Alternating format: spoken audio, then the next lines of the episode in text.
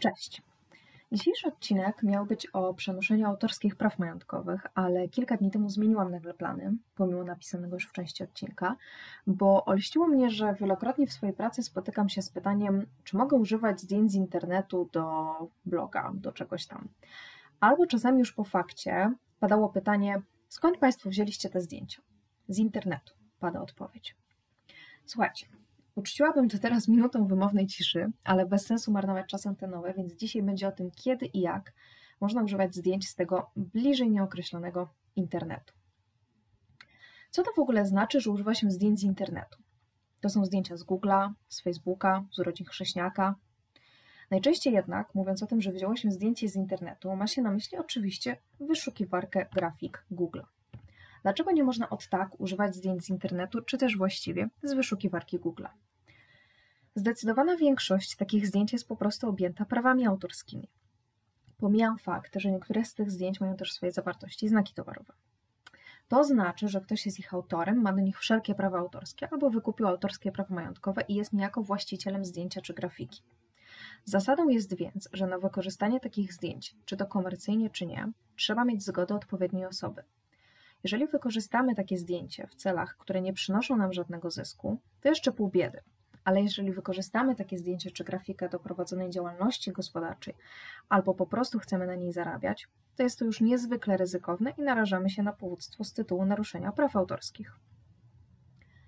No dobrze, ale teraz każdy sobie pewnie pomyśli, że to bez sensu, że przecież jest dużo, przede wszystkim blogerów, którzy takie zdjęcia masowo wrzucają na bloga. Albo część sobie zada pytanie, to co? Nie mogę sobie pobrać zdjęcia słodkiego pieska i wrzucić na tapetę na komputerze? I tutaj docieramy do wyjątków w prawie autorskim w stosunku do ogólnej reguły pozyskiwania zgody autora na wykorzystywanie jego zdjęć czy grafiki. Jest to po pierwsze wspomniana tapeta ze słodkim pieskiem. Jeżeli wykorzystujesz jakąś grafikę na własny, osobisty użytek, a więc na przykład pobierasz ją na komputer, bo chcesz ją mieć na tapecie albo na telefonie, albo chcesz z niej zrobić laurkę dla babci, to nie musisz mieć na to zgody autora. Myślę, że jest to w miarę prosta sprawa i raczej nie wymagająca dłuższego wyjaśniania. Druga kwestia to na przykład wspomniany blog. Na takim blogu możemy mieć do czynienia z tak zwanym prawem cytatu. Tak w ogóle, to ja się tutaj osobiście mogę pochwalić, że jestem hipsterem prawa cytatu, bo pisałam o nim jeszcze zanim w ogóle ten przepis zaczął obowiązywać. Taka dygresja.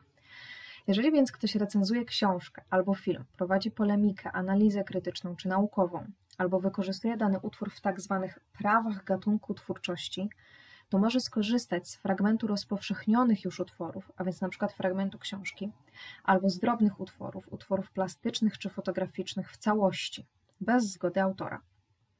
Chociaż tutaj, jeżeli oczywiście jesteśmy w stanie ustalić autora, to jednak w dobrym tonie jest spytanie się o tą zgodę.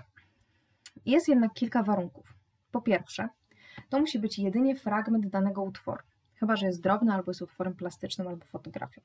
Po drugie, ten cytat ma być w utworze stanowiącym samoistną całość. Co to oznacza? Nie można na przykład przekleić całego rozdziału książki na bloga i napisać to jest fajne. To jest jednak troszeczkę za mało. To, co tworzymy, musimy spełniać cechy utworu, a ten drugi utwór, który wykorzystujemy, jest tylko dodatkiem, ale jednocześnie musi mieć sens dla całości, nie może być oderwany od kontekstu. I niejako pomaga nam w lepszy, pełniejszy sposób przedstawić to, co my sami chcemy pokazać w naszym tworzonym utworze. Po trzecie, muszą być spełnione cele cytatu. Ustawa posługuje się takimi sformułowaniami jak wyjaśnianie, polemika, analiza krytyczna lub naukowa, nauczanie lub prawa gatunku twórczości. Co to są te prawa gatunku twórczości? No, nie jest to łatwa sprawa, żeby to wyjaśnić, i przeglądając najnowsze komentarze, nie znalazłam nic satysfakcjonującego w ramach definicji, jednak Właśnie zaletą tego sformułowania jest na pewno to, że pozostawia ono szerokie pole do interpretacji, bo cały czas powstają różne, coraz to nowsze formy twórczości, które ciężko czasami przyporządkować do tych już nam znanych, a przede wszystkim znanych na gruncie prawnym. Takim przykładem może być e, fanfiction. Czy jest to gatunek twórczości? Dajcie znać, co o tym myślicie. Natomiast nieco rozjaśnia nam to pojęcie kolejny przepis za prawem cytatu, który wskazuje, że wolno korzystać z utworów na potrzeby parodii, pastiszu lub karykatury w zakresie uzasadnionym prawami tych gatunków twórczości. Przykładem parodii może być na przykład popularna w ostatnim, w ostatniej, przykładem może być na przykład, hmm, okay. e, popularna w ostatnie święta piękna i długa reklama apartu w wykonaniu klubu komediowego. Tak na marginesie, gdybym miała więcej czasu i ogarnęła to technicznie, mm, to mogłabym właśnie teraz wrzucić do tego podcastu niewielki fragment, na przykład jeden wers z powyższej piosenki i wiecie co by to było? Wykorzystanie prawa cytatu w praktyce. Jest rozpowszechniony? Jest. Jest niewielki fragment? Jest. Jest wyjaśnianie? Jest. Czy całe to gadanie na podcaście to jest utwór? Pewnie, że tak. Jeżeli korzystamy więc ze zdjęć z internetu i nie mamy zgody autora, ale korzystamy z przywileju w postaci prawa cytatu, to jakie jeszcze musimy spełnić obowiązki? Po pierwsze, oznaczyć autora, a po drugie wskazać źródło danego utworu. Pamiętajcie jednak, że korzystanie z utworu w ramach dozwolonego użytku nie może naruszać normalnego korzystania z utworu ani godzić w słuszne interesy twórcy. Dlatego właśnie, jeżeli chcemy wykorzystać dany utwór komercyjnie, na przykład blok jest firmowy, zarabiamy na naszych wpisach, to tym bardziej powinno się mieć zgodę autora. Czyli po prostu autor musi nam udzielić licencji, a my być może musimy za nią zapłacić. Oczywiście, od tej zasady też istnieją wyjątki, bo wszystko rozbija się o wspomniane przed chwilą nienaruszanie normalnego korzystania z utworu i niegodzenie w słuszne interesy twórcy.